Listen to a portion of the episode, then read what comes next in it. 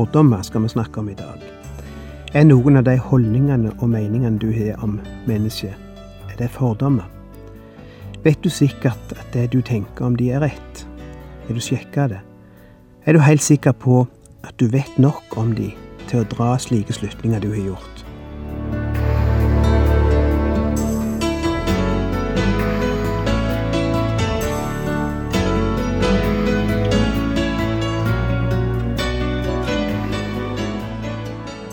Hjertelig velkommen til et nytt program i serien Vindu mot livet.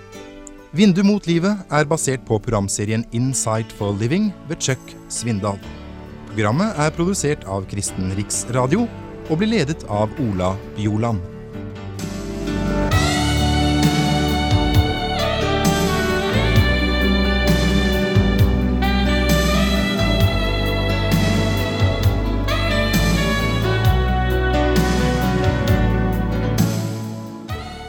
Det kom ut ei bok i USA i 1960 som sjokkerte en stor del av det amerikanske folket.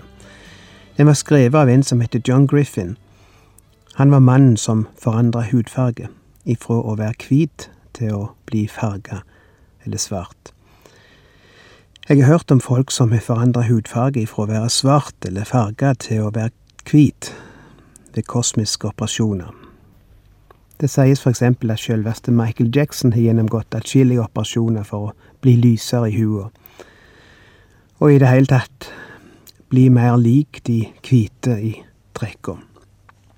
Men jeg har aldri hørt om noen som går den andre veien, før jeg hørte om denne Griffin. Men han forandrer altså hudfargen sin til svart, eller farga, visstnok for å undersøke hvordan det var å leve som farga i USA på den tida. Og på den tida var fremdeles fordommene mot fargede og diskriminering av fargede ganske stor i en del distrikt i USA. Det er det forresten ennå. Folk trues at den kampen er over nå. Men det er ikke mer enn fire år siden jeg sjøl bodde der borte. Og jeg husker hvordan noen hvite reagerte når det kom inn en svart i kirka vår. Jeg husker en gammel, ei gammel norsk-amerikansk dame som ble så sinte, og hun sa hvorfor kan de ikke holde seg der de hører hjemme? Og jeg spurte vel, hvor er det de hører hjemme? Hører de hjemme Hører de ikke hjemme her like mye som vi hører hjemme her, i Amerika? Nei, det gjør de ikke, sa hun. De hører hjemme i Afrika, snerra hun. De skulle, sendt, de skulle vært sendt tilbake dit, og de skulle fått betalt billettene sjøl. Og det sier ei som sjøl er immigrant og kommer fra et annet land. Hun tenkte visst ikke på at hun sjøl hadde forlatt sitt heimland, et land der det slett ikke var noen fattigdom å snakke om den gangen hun forlot landet, men som drog til Amerika for å tjene mer penger. Og det er det ikke noe galt i, men det er utrolig hvor veldig opptatt noen plutselig blir av at folk burde holde seg i det landet der de hører hjemme, så snart de ser en svart komme inn i ei kirke. Og faktum er at de hører mye mer hjemme der enn vi nordmenn som bodde der. For de hadde allerede vært lenge før vi kom. Og de hadde ikke engang valgt det sjøl å komme dit. De var tvangsfrakta dit som slaver. Ok, det var nå litt uintelligent tenkt av denne dama, så jeg la ikke så mye i det. Men jeg møtte mye mer rasehat og fordommer mot folk med en annen hudfarge der borte enn jeg faktisk hadde innbilt meg. Klart at noe av det var berettiget. Jeg mener klart at noen ble nervøse når det begynte å flygge flere og flere farger inn i et tradisjonelt skandinavisk boligområde. For de visste av erfaring at hele området og hele miljøet ville bli forandra. Det ville bli en ny kultur der, mer kriminalitet og de hvite ville etter hvert flyge ut, og dermed ville verdien av huset deres falle dramatisk, blant annet. Ingen med mye penger ville kjøpe et hus i et såkalt svart boligområde. Så det er klart dette har mange sider. Og det er klart det har mange sider av dette med innvandringspolitikken. Det er klart at det går ikke problemløst for seg, dette med kulturblanding og religionsblanding og alt det der. Og det trenger ikke være fremmedhat fordi man er litt skeptisk til en regjering sin innvandringspolitikk. fordi om en mener at en heller skal prøve å hjelpe på andre måter enn å åpne grensene på vidt gap for alle som vil inn. Jeg syns ofte debatten om disse ting blir så unyansert. Det er liksom et enten-eller. Enten er en en fremmedhater, eller så er en marxist-leninist, hadde jeg nesten sagt. Men når det er sagt, så må en jo innrømme at det nok er mye fremmedfrykt i den norske folkesjelen fremdeles. Iallfall opplevde vi at det går faktisk an å bo sammen med mennesker av andre kulturer og andre nasjonaliteter. En av guttene våre gikk i en klasse med 14 forskjellige nasjonaliteter, eller etniske grupper, og det gikk bra. Faktisk eh, fikk vi flere venner blant de foreldrene. Gode venner. Og faktisk var det mye mer som var mye sunnere og friskere der enn vi opplever på mange skoler og mange klasser i Norge i dag. For eksempel var det ingen mobbing der. Det var et fullstendig ukjent begrep. Barna våre har hatt mye større problem på skolen her i Norge med bare norske barn enn de hadde i en klasse med 14 forskjellige kulturer og etniske grupper. Er ikke det interessant? Rett nok var det en kristen skole, privatskole, så de fleste som gikk der, hadde foreldre med et kristent livssyn. Men likevel, det var dog forskjellige raser, forskjellige nasjonaliteter, forskjellig hudfarge og forskjellig livsstil og forskjellig kultur og forskjellige vaner, forskjellige tenkemåter, forskjellig oppdragelse og alt det der. Saken er at de alle var mennesker, likeverdige mennesker. Og det viser seg at mennesker er ikke så ulike når alt kommer til alt, når du blir skikkelig kjent med dem. Og jeg må ofte tenke på når vi av og til besøkte ei såkalt negerkirke. Jeg foretrekker å kalle det ei svart kirke, men la gå, vi kalte det negerkirke, på sydsida av Chicago. Vi måtte kjøre mange, gjennom mange, mange, farlige og kriminelle strøk for å komme der, og måtte av og til ha politieskorte for å komme til denne kirka. Men det var en sånn opplevelse å være der at jeg besøkte den mange ganger. Særlig når vi hadde besøk fra Norge, så reiste vi til denne kirka. Og som regel var vi de eneste hvite som var der. Det var ei rein svart kirke, midt i den største svarte bydelen i Chicago og du kan tro vi ble vel mottatt. For det første så var det ingen som liksom så skeptisk på oss. Liksom, hva gjør det her? Kunne det ikke holdt dere i deres egen kirke? Er det kommet for å studere dere, Eller for å underholde dere med hvor rart vi oppfører oss? Ikke noe av det. De var så glade for å se oss. De kom og hilste på oss, spurte hvor vi var ifra, smilte og var så vennlige alle sammen at vi følte oss som æresgjester.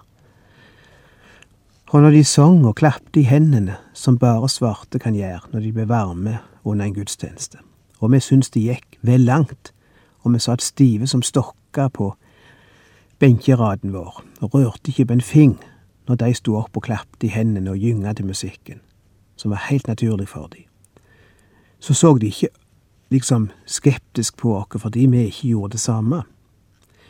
Vi kunne sitte akkurat hvordan vi ville. Vi kunne oppføre oss akkurat som vi ville. Det var vår sak. De viste sin glede på sin måte, og om vi stive nordmenn ikke foretrakk ei mine verken av begeistring enn noe annet, så fikk vi lov til det. De var like blide og naturlige mot oss for det. Og jeg satt og tenkte, du verden for et hvitsyn de har, i forhold til mange av oss hvite. Du verden for en romslighet her er i forhold til den kyrkja sjøl var prest i der borte, der noen ville snudd seg og kikka skummelt på de hvis noen av de kom inn i vår kirke på en gudstjeneste. Ikke alle, sjølsagt, flertallet ville tatt vel imot de, men noe av dette henger igjen så mange ennå, fremmedfrykten.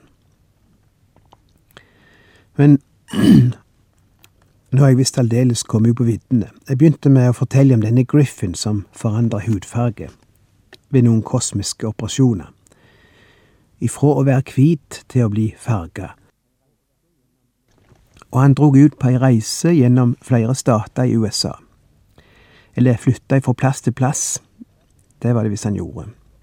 Han flytta til noen av de plassene han hadde bodd tidligere eller besøkt tidligere, da han var hvit, og han opplevde de mest sjokkerende scenene nå etter at han var blitt svart. Ennå han var den samme på innsida, den samme personligheten, den samme oppførselen, de samme tankene hadde han, de samme verdiene, alt var det samme, bare ikke hudfargen. Han behandla folk på samme måten som han hadde gjort før, og oppførte seg overfor de han traff, på samme måte som før. Men nå var reaksjonene og holdningene helt annerledes imot han. De samme som før hadde behandla han vennlig og åpent, snudde nå ryggen, for de gjenkjente han ikke. Det at han hadde skifta hudfarge, forandra alt. Og han skriver i boka si om alle de rystende opplevelsene han hadde, og hvordan de tok imot han i sydstatene på en helt annen måte nå når han var svart, i forhold til da han var hvit. Og han skriver blant annet Det jeg opplevde, er egentlig ikke bare historien om negerhat i USA. Det er bare symptomer på en universell holdning som vi alle er i besittelse av.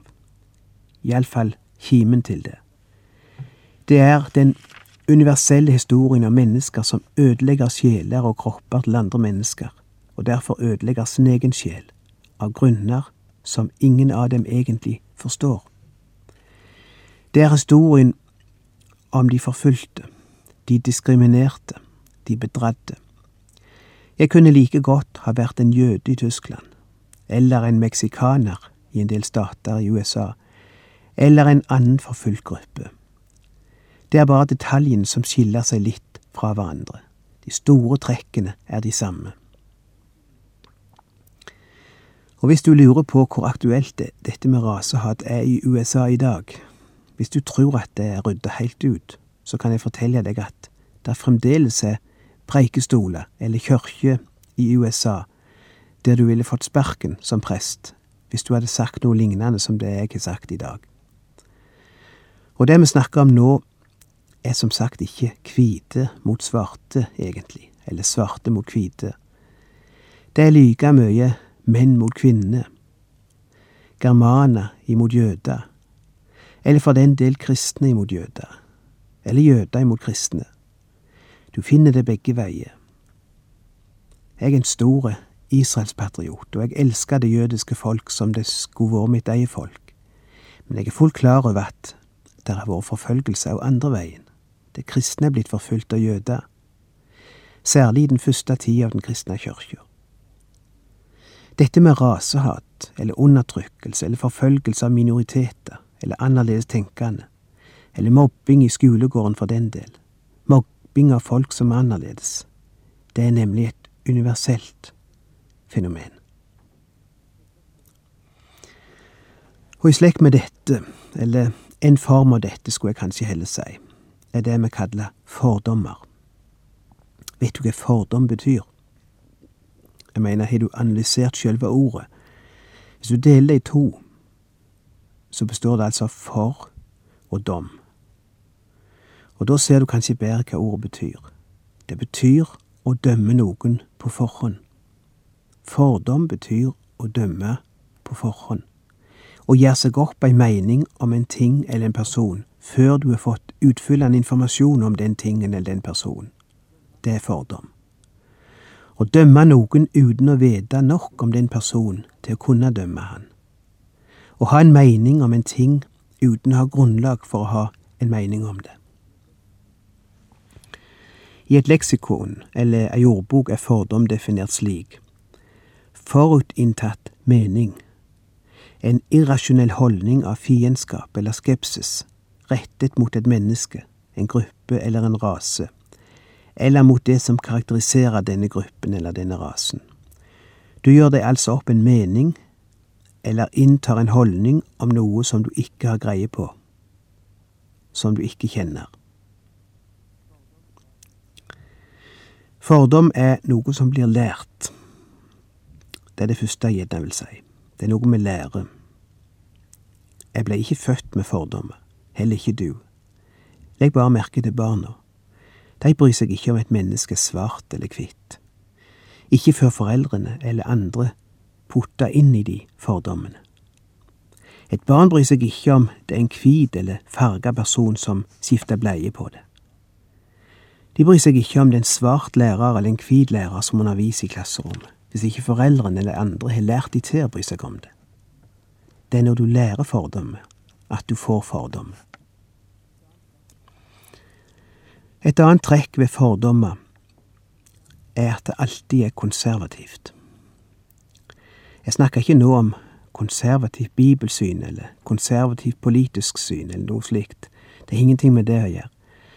Men fordommer er alltid konservative, det vil si, de vil holde på det som er, og er skeptisk til alt som er nytt og annerledes, fordi de ikke kjenner det. Derfor er det så mye fordommer i kristensammenhenger.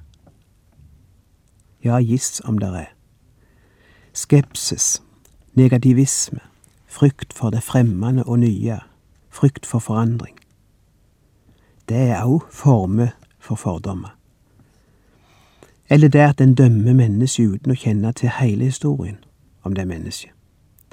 En gir seg opp meninger om folk og hva de står for, uten å ha nok kjennskap til dem. Jeg kan bare tenke på alle de mennesker jeg sjøl har møtt, og som har hatt fordommer imot meg, for eksempel. Trodd ting om meg som er heilt borti hampen, hadde jeg mest sagt. Og når de er blitt litt orientert, kanskje jeg har møtt de personlig, og de finner ut litt hva jeg står for, så får de et helt annet bilde av saker og ting. Er det ikke akkurat slik det er? Hvem kjenner ikke til dette fenomenet? Jeg har av og til møtt mennesker som har fått seg sitt livssjokk når de hører at jeg har gått på misjonsskolen på Fjellhaug. Har du gått på Fjellhaug? Er du utdannet misjonær i Misjonssambandet? Ja, var det så overraskende, spør jeg. Vel, vi trodde du var sånn liberal. Hvorfor trodde du det, spør jeg. Vel, det var visst noen som snakket om det en gang, at han der må du være på vakt imot. Men det trenger vel ikke være noen garanti at du går på Fjellhaug, var det en som, som fortsatte. Han ville liksom ikke helt slippe tanken på at det kunne være farlig likevel. Du kan jo ta, ha tatt skade når du studerte teologi, og kan ha forandret syn mens du studerte. Vel, svarte jeg, etter at jeg hadde studert, var jeg lærer på bibelskolen til Vestlandsk Indremisjon. Men da måper de, og kan ikke riktig tro det. Hva er dette for noe? Det kan være noe så enkelt som at de hører ord eller tonefall, eller en form i forkynnelsen som er litt annerledes enn de er vant med. Og det kan være, det kan være nok til at der oppstår fordommer. Det er rart det med fordommer. Det er ofte så irrasjonelt. Det er ofte noe som sitter i våre følelser, eller oppstår i våre følelser og det oppstår ofte hos mennesker når de møter ting som utfordrer dem, der de ikke vil utfordres. Det har jeg lagt merke til. Hvis noen blir utfordra, eller ramma, eller en peker på ømme punkt i deres liv eller deres tenkning, der de helst ikke vil prøves, så forsvarer de seg med å så mistanke og tvil mot den som utfordrer dem.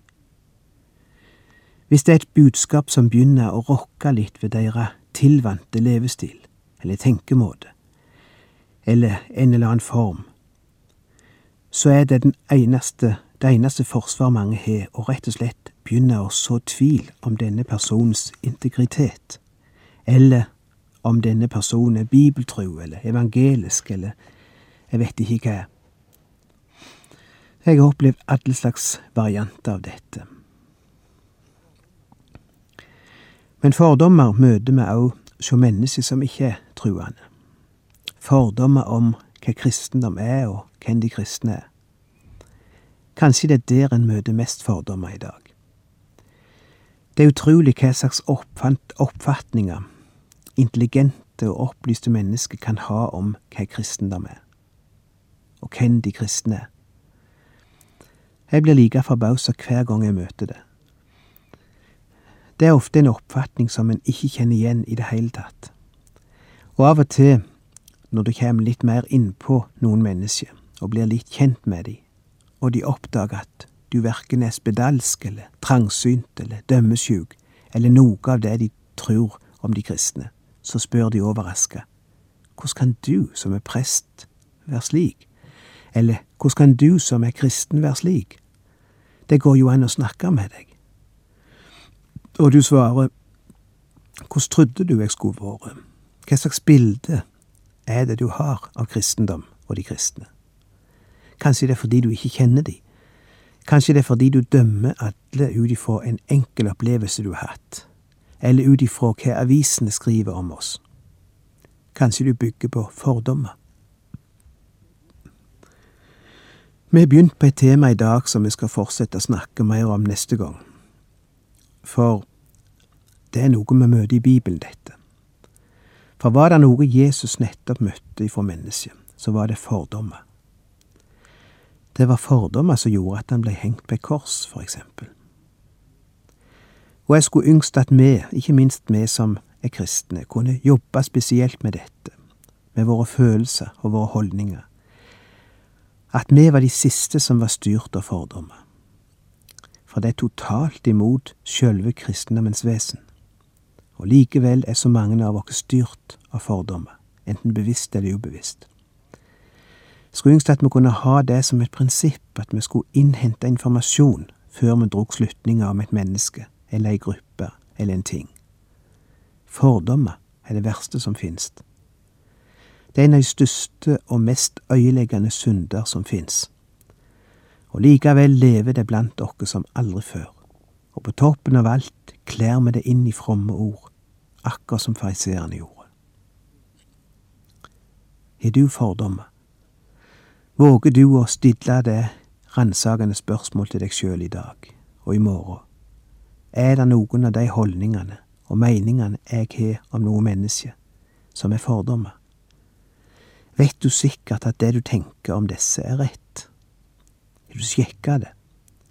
Er du helt sikker på at du vet nok om den personen til å dra slike slutninger du har gjort? Våger du å gå til Jesus med dine tanker og si, Kjære Jesus, du ser hva slags tanker og følelser jeg har for den personen, fordi han sa det og det, eller fordi noen sa det og det om han.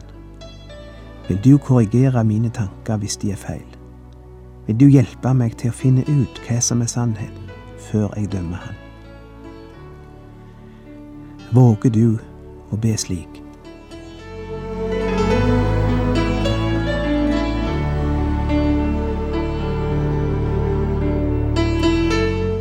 Du har lytta til Ola Bjoland i serien 'Vindu mot livet' fra Kristen Riksradios arkiv. Ola Bjoland var ansatt i Kristen Riksradio inntil han døde i 2002.